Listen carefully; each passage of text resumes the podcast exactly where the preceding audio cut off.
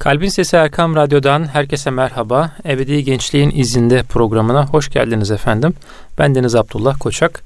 Programı Furkan Özkul abimle icra ediyoruz. Abi hoş geldiniz. Hoş bulduk Abdullah. Abi nasılsınız? Teşekkür ediyorum iyiyim. Seni de iyi gördüm. Ben de iyiyim abi çok şükür. Yani iyiyiz, iyi olmaya çabalıyoruz ve Allah da bize hakikaten bir iyilik bahşediyor diye düşünüyorum. Allah iyiliğimizi arttırsın. Amin, amin. Cümlemizin, bütün dinleyicilerimizin de iyiliğini, sıhhatini arttırsın inşallah. Amin, amin. Abi bugün şöyle bir konudan bahsedelim istiyorum. Açıkçası ben sık sık düşünürüm bu konuyu. Bir ara mimariden de bahsetmiştik böyle mahalle kültüründen bahsediyoruz sık sık. Ee, bir de böyle evin içinden bahsedelim. O evde yaşayan bizlerden bahsedelim ve o yaşayan bizlerin, o evin, o hallerin düzeninden bahsedelim inşallah. Yani o evdeki eşyaların düzeni nasıl olabilir? Bizim hayatımızın düzeni nasıl olabilir ve bu iki düzen birbiriyle nasıl böyle beraberce güzelce ilerler diye düşünelim diye bu programı konusunu böyle olsun istedim. Şöyle bir soruyla başlamak istiyorum abi. Düzen deyince aslında yani aklımıza neler gelebilir? Evin düzeni deyince, bizim düzenimiz deyince. Bir de tabii Allah'ın da koyduğu kanunlar var. Yani belki o kanunların böyle o kanunları zorlayacak haller de yaşayabiliyoruz bazen işte. Yani sınırların dışına çıkmaya çalışan yakınlarımız oluyor. Bizler belki bilmeden istemeden yapabiliyoruz böyle şeyler. Yani bir insan bu sınırları, düzenini nasıl bilebilir?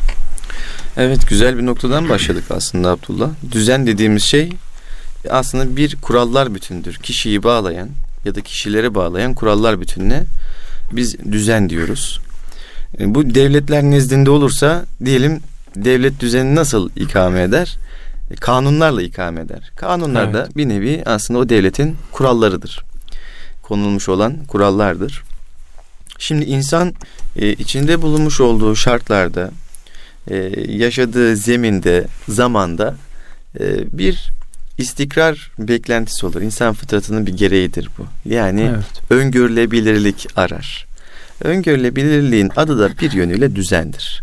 Düzenin tersi ise neydi? Kaostu değil Kaos. mi? Kaos. Kaos ortaya çıktığı zaman e, insanda bütün mutluluk, huzur, refah, saadet artık ne, ne düşünüyorsak bunların tamamı bir anda kaybolur. Hmm.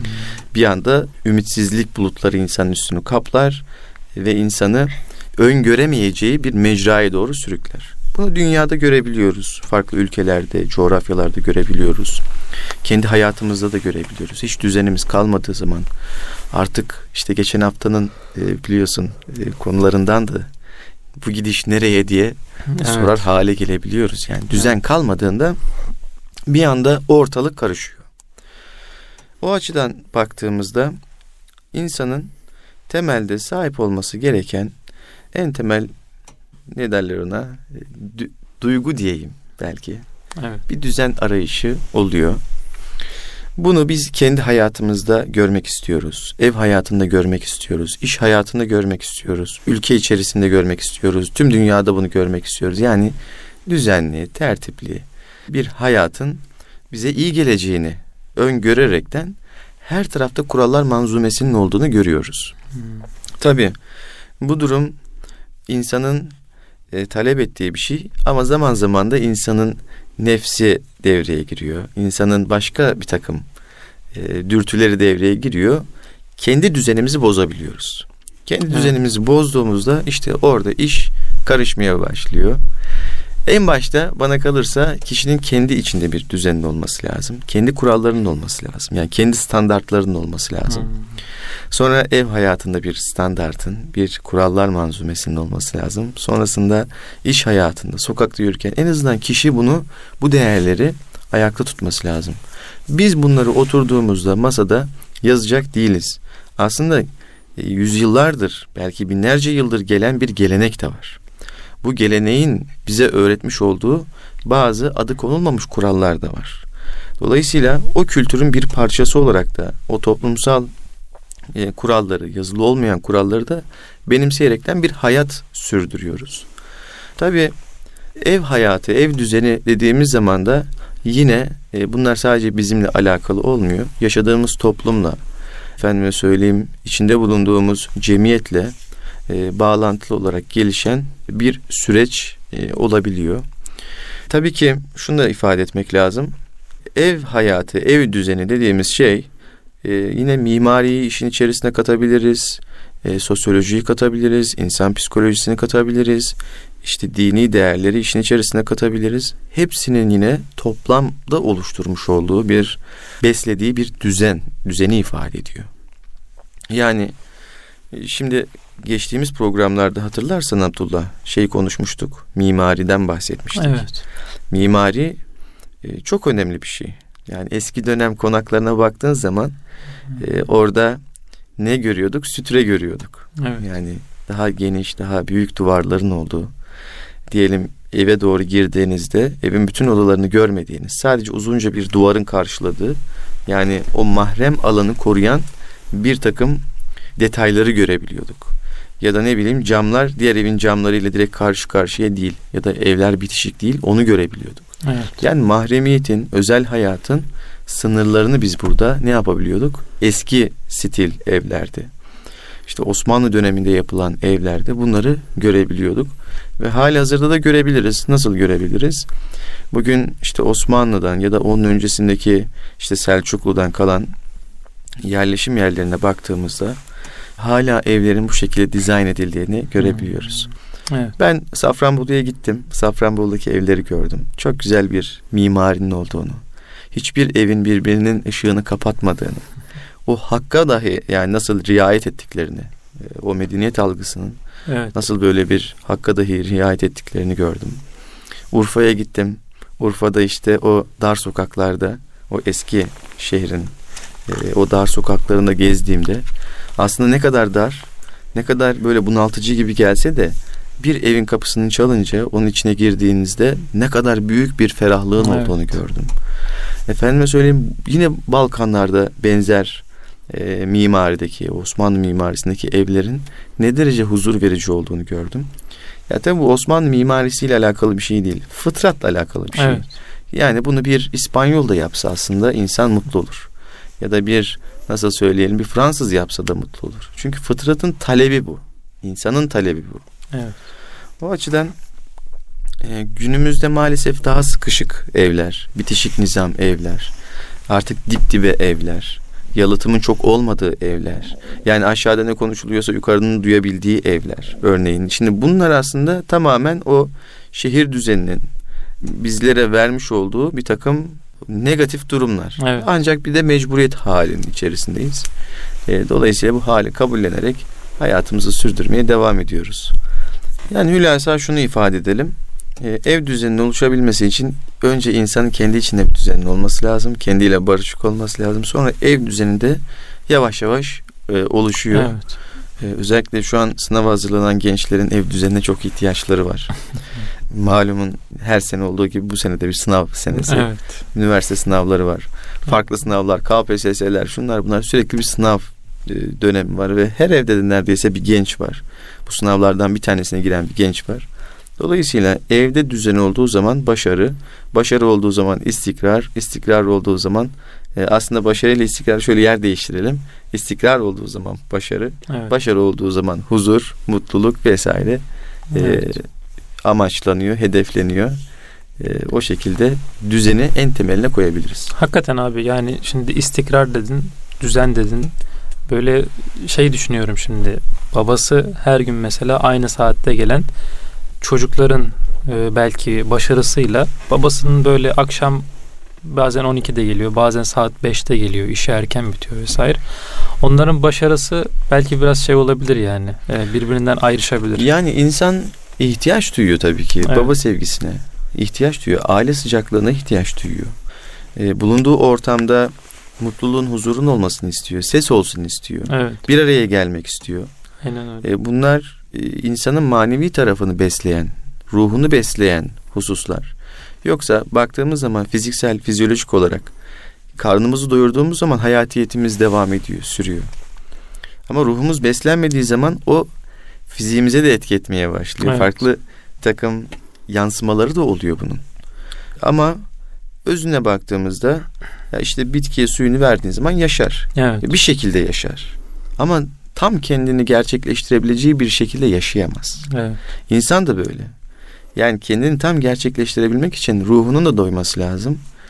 Karnının da doyması lazım. Evet. Mutlu olması lazım. İnsanların algıları, o fıtratları öyle bozulmuş ki abi. Önceki gün e, bir dost meclisinde böyle yeni tanıştığım bir arkadaş böyle bahsediyor. Evlilik arifesinde. Ve şöyle bir şeyden bahsediyor. Kendisi akademisyen olmak istiyor. Ve tanıştığı hanımefendi de işte görüştüğü hanımefendi de akademisyen olmak istiyor. İkisi de anlaşmışlar.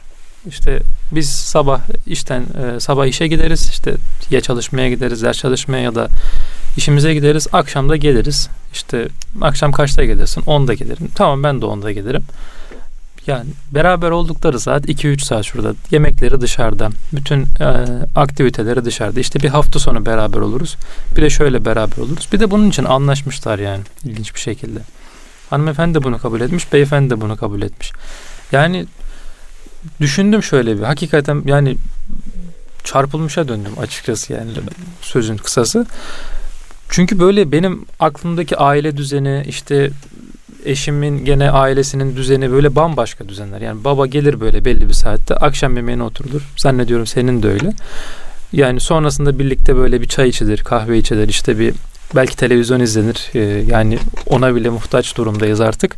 Beraber televizyon izleyelim gibi. Ee, yani insanların o algıları, fıtratları hakikaten bozulmuş durumda abi. Yani iki kişi anlaştıysa bana bir şey düşmüyor. Evet. Ama diğer taraftan sosyolojik bir vaka dediğin evet. gibi geleneksel aile düzeninin, geleneksel aile yapısının deforme olduğunu buradan bu tip örnekler üzerinden de izleyebiliriz. Evet.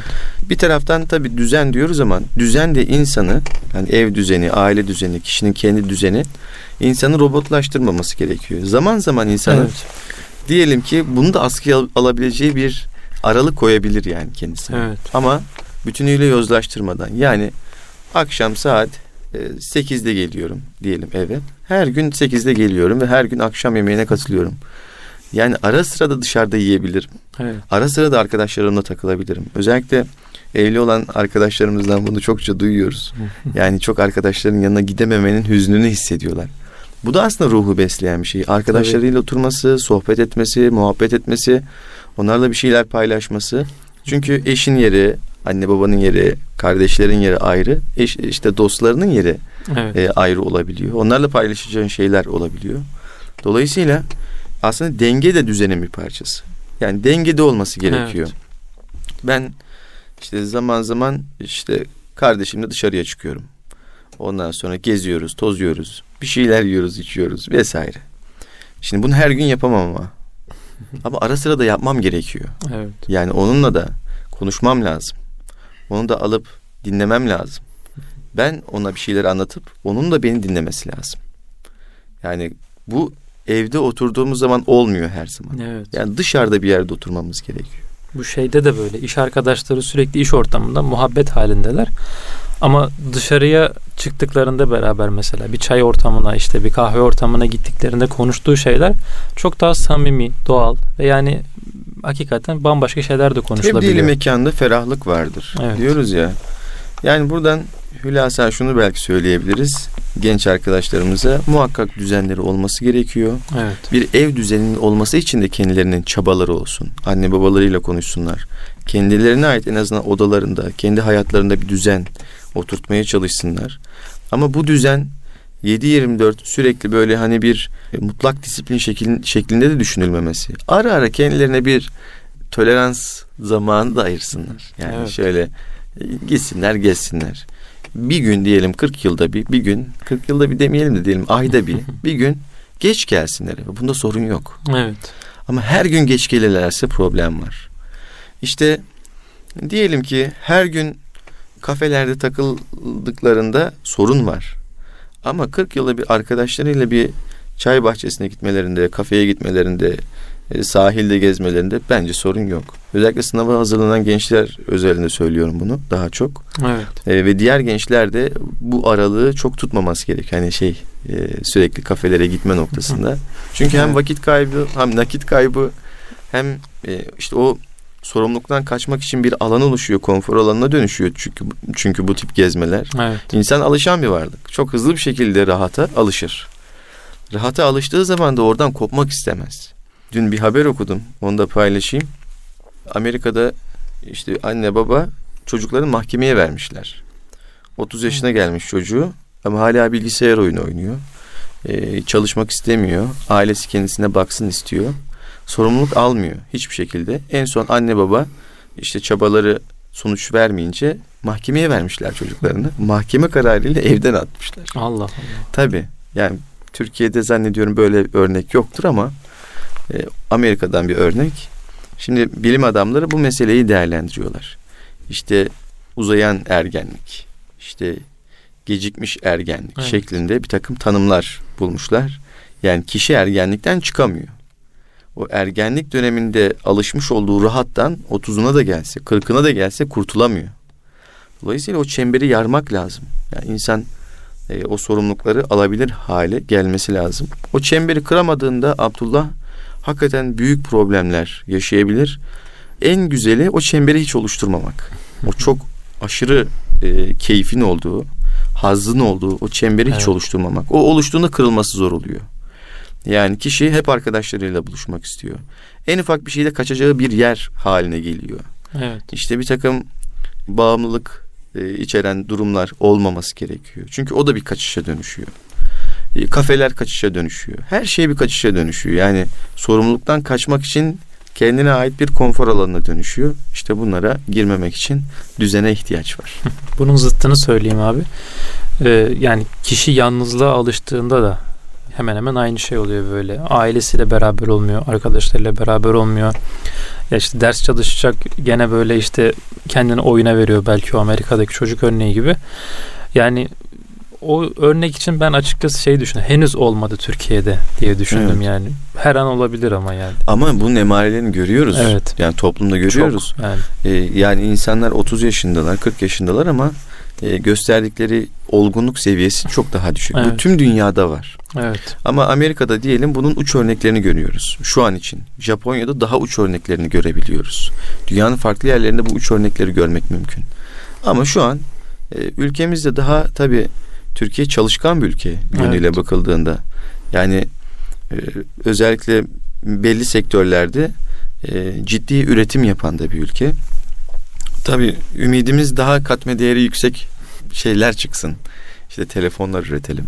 Teknolojik ürünler üretelim. İşte savunma sanayi işte mesela. savunma sanayi bunun için çok önemli bir evet. e, işte bizim gurur duyduğumuz örnek bir, tabii örnek bir gösterebileceğimiz alan. bir alan.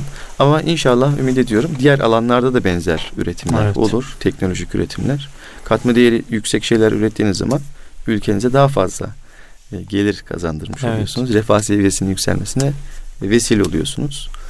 Bu açıdan bakıldığında aslında düzenin, disiplinin, istikrarın olduğu yerde üretimin olduğunu, evet. kişisel bazda da öyle.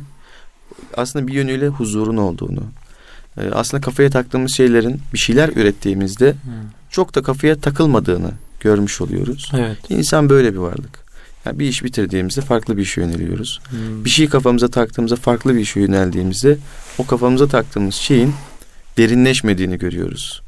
E, ama durup bekleyip o meselenin üzerine yoğunlaştığımızda o sorun problem neyse daha da derinleştiğini onun içinden çıkamadığımız bir hal haline aldığını işte bizi o kabz hali derler ya evet. o sıkışıklık haline hapsettiğini görebiliyoruz. Yani aslında o problem neyse onu bir meşguliyetle belki ekarte etmek gerekiyor. Yani evet. bizim büyüttüğümüz kadar büyük bir problem olmadığını idrak etmemiz gerekiyor. Evet, evet. Abi burada kısa bir ara verelim. İnşallah ikinci bölümde Şimdi biz biraz dışarıdaki düzeni konuştuk. Biraz da böyle insanın içindeki düzeni işte uyku düzeni, işte belki bir yürüyüş düzenini konuşuruz. Belki bir spor düzenini konuşuruz.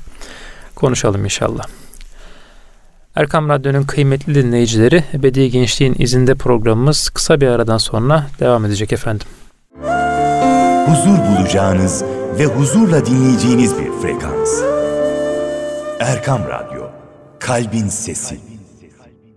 Kalbin Sesi Erkam Radyo'dan tekrar merhaba. Ebedi Gençliğin izinde programındasınız efendim. Düzeni konuşuyoruz. Hayat düzenini, ev düzenini, insanların birbiriyle ilişkisindeki o düzeni nasıl oluşturabileceklerine dair hasbihal ediyoruz aslında. Şimdi abi bunlardan bahsettik. Tamam. Ee, bir de insanın içindeki o vücudun düzeni belki konuşulabilir diye düşündüm. Yani mesela uyku düzeni nasıl olabilir insanın? Ee, mesela işte bir spor düzeni haftada kaç gün olmalı? Bunun bir reçetesi var mıdır elimizde? Belli bir kayıt var mıdır yani bununla ilgili? Bunlardan bahsedelim istiyorum. Abdullah şöyle e, insanda insan temelde alemleri ikiye ayırdığında iki tane alem olduğunu görüyoruz. İkiye ayırıyoruz ve iki tane alem var. Enfüsi alem, afaki alem. Evet. Yani içimizde bir alemler var. İçimizde alemler var. Bir de dışımızda alemler var. Bu iki alemler birbirini tamamlayan alemler. Yani insanın dışında düzen var ama içinde de bir düzen var. İşte dışarıda gezegenler var ama içimizde de çeşitli gezegenler var. Yollar var. İşte nasıl söyleyeyim? İşte bir takım insanın hayatiyetini devam ettiren bakteriler var, virüsler var, bir savaş var, barış var. Evet. Yani insanın içi de tek düze değil. Yani sürekli içimize bir yıkım var. E, bir taraftan da içimizde bir yapım var. E, ancak biz bunların hiçbirinin farkında değiliz. Biz sadece hayatımızı yaşıyoruz. Halbuki kalbimizde nelerin olduğunu bilmiyoruz. Evet. Ciğerlerimizde neler oluyor bilmiyoruz. E, tabii onlar eğer bize bir ağrı verirse, bize bir sızı verirse o zaman bunlardan muzdarip oluyoruz. Evet. Doktora gidiyoruz. Düzen bozulduğunda bize bir e, SOS veriyor o ilgili yer ve biz de ona göre aslında e, tedbirimizi alıyoruz. Ama bir SOS veriyor yani bir işaret veriyor. İşaret vermese insan aslında yaşayamayabilir. Düşünsene yani midende bir rahatsızlık var. Ciddi bir rahatsızlık var. Allah korusun tabii de. Evet. Örnek olarak veriyorum. Evet. Ve ağrımıyor miden. Öyle değil mi? Yani ağrımadığı evet. takdirde reaksiyon veremezsin. Yani ne olduğunu bilemezsin. Dolayısıyla hastaneye gidemezsin. Tedbir almazsın. Hani şey aklıma geldi. İç kanama olur ya mesela. Tabii. İç kanama insan Hissetmiyor. belki fark edemiyor. İşte hissetmediğinde olan ortada. Evet. Ama midesinde şiddetli bir ağrı oluyor, kramp oluyor. Doktora bir gidiyor. Aa mide kanaması hemen ameliyat evet. hemen çözüyorlar. Evet. İşte o da onun gibi bir şey. Bu ağrı da aslında o SOS dediğimiz o semptom artık o görünen şey de o düzenin bir parçası halinde haline gelebiliyor. Yani hmm. biz düzensizlikten rahatsızsak orada iyi bir şey var demektir. Evet. Rahatsız olmak iyi bir şeydir. Ama rahatsız olmuyorsak asıl orada problem başlıyor. Yani düzensizlikten, kaostan, hayatın böyle anlamsız bir şekilde akıp gitmesinden eğer e, hoşnutsak işte fıtratın bozulması anlamına geliyor bu. E, çünkü bir müddet sonra fıtratı o kadar çok bozmuşuzdur ki bozulan şeyler bizim normalimiz haline de gelmiş oluyor. evet. Allah korusun. İşte o zaman düzen arayış içinde olmaz insan. Yani yaşanan toplumdaki, kişideki problemlerin temelinde bu var. Her kendimizi rahatsız hissediyorsak, ya bu gidişat iyi değil diyorsak orada iyi bir şey vardır. Evet. Yani en azından önlem almak için bir acı ve acının neticesinde bir irade ortaya çıkacaktır. Evet. Şimdi kişisel bazda e, düzen nasıl olmalı diye sorulacak olursa tüm bunlara paralel olarak önce kendimizi bir yoklamamız lazım. Nerede artılarım var, nerede eksilerim var? Nerede iyiyim, nerede kötüyüm? Ne hmm. düşlüyorum, ne yapmak istiyorum? Ama bunları yapabilmek için neleri göze aldım? Bunların hepsini böyle yan yana koymak lazım, düşünmek lazım. Ve ona göre bizi hedeflerimize götürecek, bizi daha iyi bir e, hayat kalitesine taşıyacak adımlar atacak bir e, plan ortaya koymamız lazım. Aslında evet. hemen dikkat edersen bir düzen oluşmaya başlıyor. yani bir plan ortaya koyuyorsun. Plan düzenin parçası. Evet. E, planlı bir şekilde hareket etmek aslında düzen dedik ya programın birinci bölümünde. Evet. Yani bir kurallar var. E, kurallar için bir plan yapman gerekiyor vesaire. Bunların evet. hepsi düzeni oluşturuyor. E, o plan çerçevesinde adım atarsın. Yanlış bir adımsa hemen revize edersin. Tekrardan dönersin. Bak burada böyle bir karar almışım ama bu bana çok yaramıyor. Hedefime çok yaklaştırmıyor. Mesela günde 10 saat ders çalışmak beni hedefime yaklaştırır diye düşünmüşüm. ama 10 saat benim bedenimi çok yorduğu için aslında belli bir saatten sonrası boşuna debelenmek olmuş. İşte boşuna debelenmemek için 5 saate düşürüyorsun ama kaliteyi arttırıyorsun, verimi arttırıyorsun. Geri kalan 5 saatte de kendine özel bir zaman dilimi ayırabilirsin gibi. Evet. Spor yapmak dedik. Spor insanın temel ihtiyaçlarından bir tanesi. Zannediyorum bu konuları geç, geçtiğimiz programlardan birinde de işlemiştik. Özel olarak işlemiştik sporla alakalı. Evet, evet. Kıymetli dinleyicilerimiz, bizi dikkatle dinleyenler bunları hatırlayacaklardır. evet. Muhakkak spor yapmanın insana iyi geldiğinden bahsettik. Ama orada da şöyle bir kayıt düşmüştük hatırlarsan. Ee, insan kendini e, aman aman yoracak şekilde hayatının bütününün anlamı sanki spormuş gibi yaşamaması da gerekiyor. Yani her evet. tarafı kas dolu adam. Acayip böyle kas yığını şekliyle geziyor, şeklinde geziyor. Ve böyle de olmaması lazım bana kalırsa. Evet. Ya da işte bu ifrat tefrit diye düşünüyorum. İşte bir böyle yağ her tarafı yağ olan insanlar olabiliyor. e, sağlık haricinde hani bazen insanlar sağlığını kaybettikleri için o hale düşebiliyorlar. Onları kastetmiyorum. Ama bilinçli bir tercih olarak spor yapmayan ve sürekli abur cubur tüketip o noktaya gelen insanlar için bu da bir tercihtir çünkü. O yüzden söylüyorum.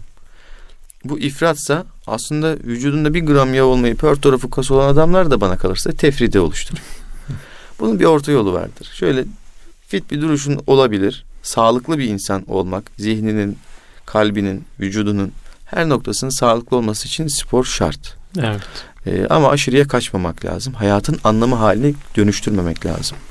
Uyku meselesinde de bazı insanları görüyorum hayatı daha hayatı daha dolu dolu yaşamak için gecesini gündüzünü mesela karıştırıyorlar. Evet. Bu yanlış bir şey. Yani günde 3-4 saat uyku insana yetmeyebilir. İnsanın daha fazlasına ihtiyacı olabilir. O uyku aralığını iyi tespit etmesi lazım insanın. Mesela bana 6 saat yeti- yetiyorsa 5 saate düşürmemeliyim. 7 saate de çıkartmamalıyım. İnsan da bunu kendine göre bence ayarlayabilecektir. Mesela 8 saatten sonra baş ağrısı oluyorsa 8 saate ulaşmaması lazım ya da 9 saat uyumaması lazım. Gibi gibi insan evet. kendini izleyecek. Oradan uyku düzenini tespit etmiş olacak. Zaten beden yorulduğunda ben uyuyacağım diyor. Ee, insanın karnı acıktığında ben yemek yiyeceğim diyor. Beden bize işaretlerini gönderiyor. Biz bedenle mücadele ettiğimizde de sorun ortaya çıkıyor. Yani ben 7 saat uyuyan bir insan olarak diyelim ki gece uykum gelmiş artık yatmam lazım ve yatmıyorsam bedenime zulmetmiş oluyorum. Evet. Yani zulmetmiş oluyorum bedenime. O acısını sonradan çıkaracak ama sabah çıkaracak. Her gün diyelim saat 7'de 8'de kalkıyorsam o gün 9'da 10'da kalkacağım. Yani bak düzen bir anda karışmaya başlıyor. Biz oluşan doğal düzeni bozduğumuzda düzen bizden kendi istediğini talep ediyor ve biz ona ayak uyduramadığımızda bir anda allak bullak oluyoruz. Evet. Hepsi birbirine bağlı, bağlantılı, hepsi birbiriyle bağlantılı. Yeme düzeni. İnsan e, yani iki tabak yemekle doyuyorsa örnek veriyorum. Üç tabağı çıkarttığı zaman rahatsız oluyor. Evet. Yani diyelim tatlıyı sevmiyorsa tatlı yediğinde rahatsız oluyor. Yani onu beden işaretini veriyor. Dolayısıyla oluşmuş rutini göz önüne alarak ona göre hareket etmek kişiyi daha mutlu kılacaktır, daha istikrarlı kılacaktır. Niçin? Yani insanın başı ağrıdığında ders çalışamıyor ya da yapmak istediği işi yapamıyor, odaklanamıyor o işe. Dolayısıyla başın ağrımaması için işte ağır yemek yememek, evet. e, çok uyumamak ya da az uyumak bunlar insanı etkileyen, düzeni etkileyen, gidişatını etkileyen hususlar. Bunlara dikkat etmek lazım. Yine kişinin maddi tarafını beslediği gibi manen de beslenmesi kişiyi huzurlu kılacaktır, dengeli kılacaktır her şeyden önce. Evet. Yani çünkü bu bahsettiğimiz tüm hususlar denge gerektiren hususlar. Dengeli olmak gerekiyor. Ki bunlar eski filozofların, düşünürlerin, hakim bilgi kişilerin üzerinde düşündükleri meselelermiş Abdullah. Evet. Bir dönem işte e, ta Aristo'dan belki Aristo öncesinden de bu yeme içme düzeniyle ilgili insanlar hep tavsiyeler verilmiş. Hmm. Yani bu tavsiyelerden bir tanesi ne nedir? Bir yerde sağlıklı yiyecek var, bir yerde sağlıksız yiyecek var örneğin. Siz diyor tadı iyi olmasa da sağlıklı olanı tercih edin. Bu beden için daha faydalıdır diyor. Evet. Mesela. Ondan sonra uykuyla ilgili şeyler söylenmiş. E, ifadeler söylenmiş. Bedenin daha iyi yaşaması için, daha konforlu yaşaması için tavsiyeler o dönemde de verilmiş. Hali hazırda da insanın bu tavsiyelere ihtiyacı var. Kronik bazı sorunlar varsa uykusuzluk gibi tabi buradaki işte biz radyoda hasbihal ediyoruz. Evet. Ancak kişi kendinde kronik bir takım problemler hissediyorsa muhakkak bir doktora başvurmalı. Yeme içme ile ilgili sorunları varsa muhakkak doktora başvurmalı. Yani işin uzmanlarına, hekimlere başvurmalı. E, neticede biz burada sadece genel bir hasbihal ediyoruz. Evet. E, normal gidişat üzerinden bir şeyler konuşuyoruz. E, böyle patolojik bir takım durumlar varsa muhakkak işin uzmanıyla konuşmak lazım.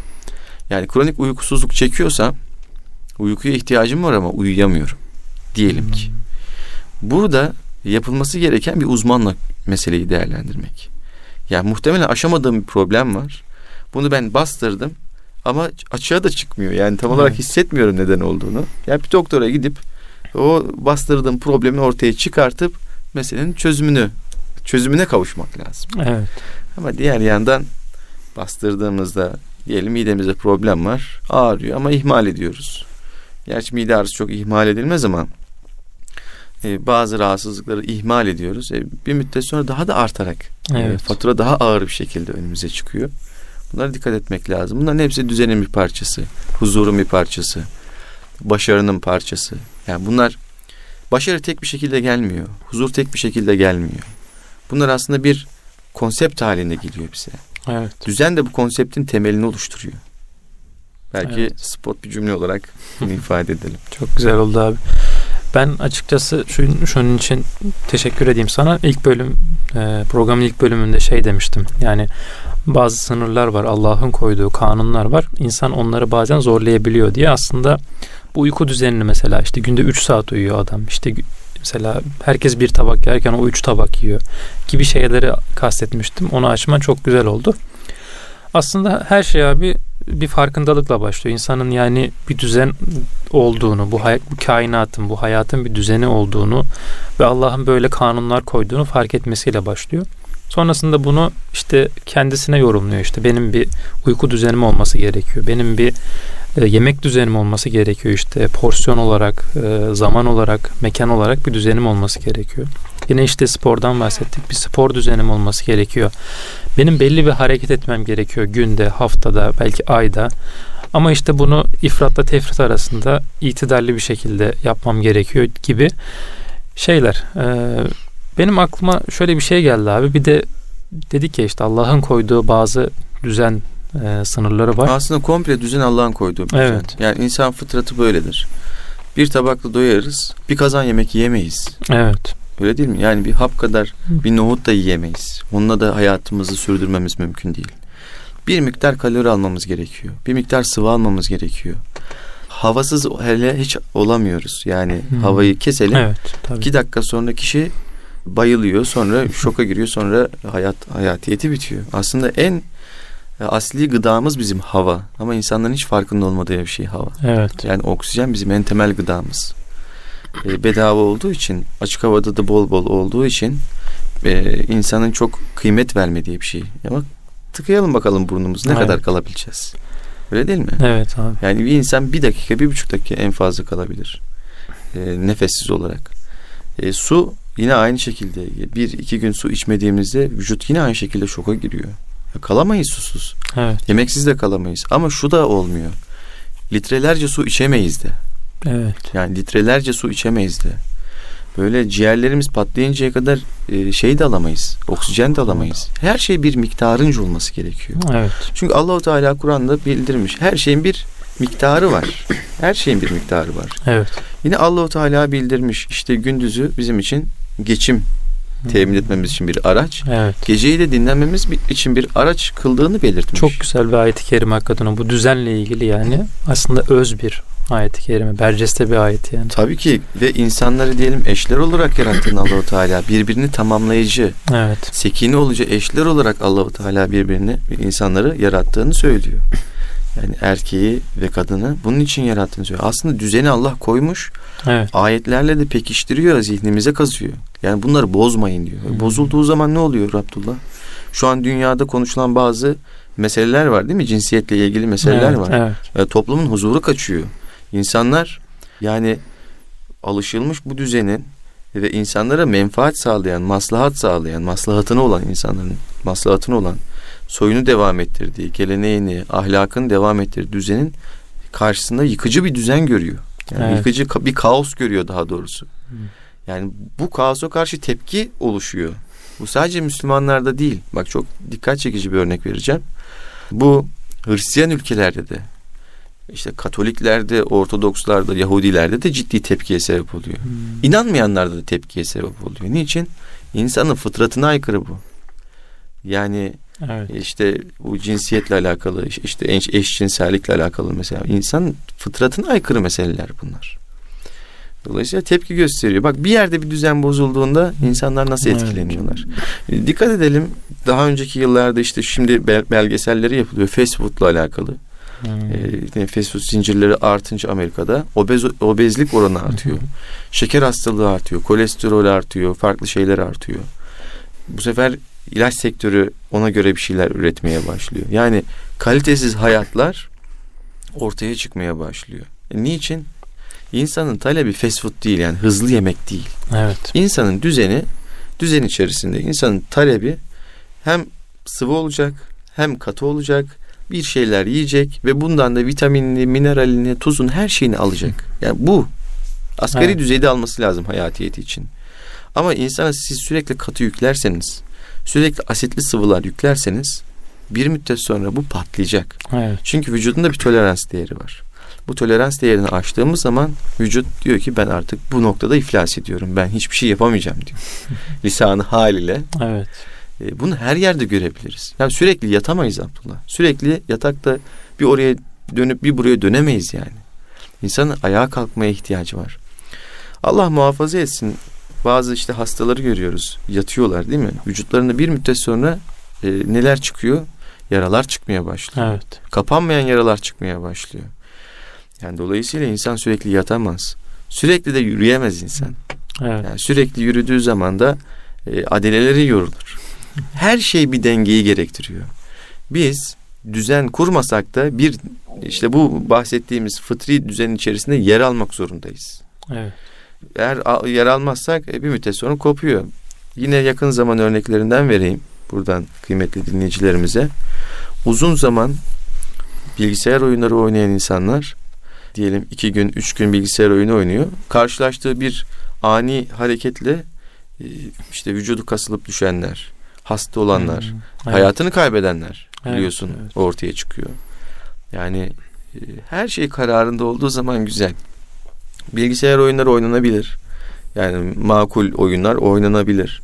Ama bu 15 saat, 20 saat, bir gün, iki gün, üç gün koluna serum serum verecek dereceye geliyorsa Evet.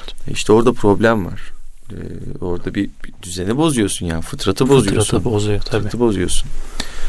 Abi şöyle yani hakikaten güzel örnekler verdin. Ben de şöyle bir örnek vereyim. Yani Rabbimiz günde beş vakit namaz gibi bir aslında düzenleyici koymuş. Bunu hep söylenir zaten bu hep. Ee, benim de aklıma şöyle bir şey geldi program içerisinde. Aslında senelik de bazı şeyler var. İşte bir ay bir Ramazan orucumuz var bizim mesela. İşte ömürde bir defa bir hacca gitme durumumuz evet. var. Yine aynı şekilde kelime-i şehadet getirme. Yine işte senede bir bir kurban kesme evet. ibadetimiz var. Yani evet. hakikaten e, mutat bir şekilde, düzenli bir şekilde ve hikmetine vakıf olamadığımız pek çok güzelliğin de içinde barındırdığı şekilde bir itidalli bir ibadet. E, düzenimiz de var bizim. Bununla ilgili yani beş vakit namaz var mesela günde. Ben aslında yani hoca efendiler çok daha güzel ifade eder ama bu beş vakit namazın bizi bizim hayatımızı çok güzel düzene soktuğunu düşünüyorum. Evet. İşte sabah namazına kalkıp böyle bir insanın kendine gelmesi, ferahlaması. Sonra böyle bütün işler yoğunlaştığında bir öğlen namazı. İşte böyle bir yorgunluktan sonra bir ikindi namazı. İşte eve giderken dinlendirici oluyor. Evet, evet. İnsanı tekrar yani o alandan koparıyor o yoğunluk, sinir, stresli ortamından koparıyor. Ruhunu dinginleştiriyor, bedenini dinginleştiriyor evet. ve sonrasında tekrardan o atmosferin içerisinde koyuyor. Aslında bir e, nasıl söyleyelim istasyon gibi bizi tekrar bir şarj ediyor. Evet. E, yol almaya çalışıyoruz. İşte şarj olamadığımızda ruhumuz ruh hastalıkları ortaya çıkıyor. evet. Yine işte abi bir akşam namazı, sonrasında işte yatmaya yakın bir yatsı namazı. Yani hakikaten e, Allah bizim için bizim fıtratımızı çok güzel belirlemiş. Yani hani Hazreti Ali diyor ya ben senden razıyım Rabbim sen de benden razı ol evet. diye. E, yani bu düzen açısından da hakikaten bu söylenmesi gereken bir şey diye düşünüyorum ben.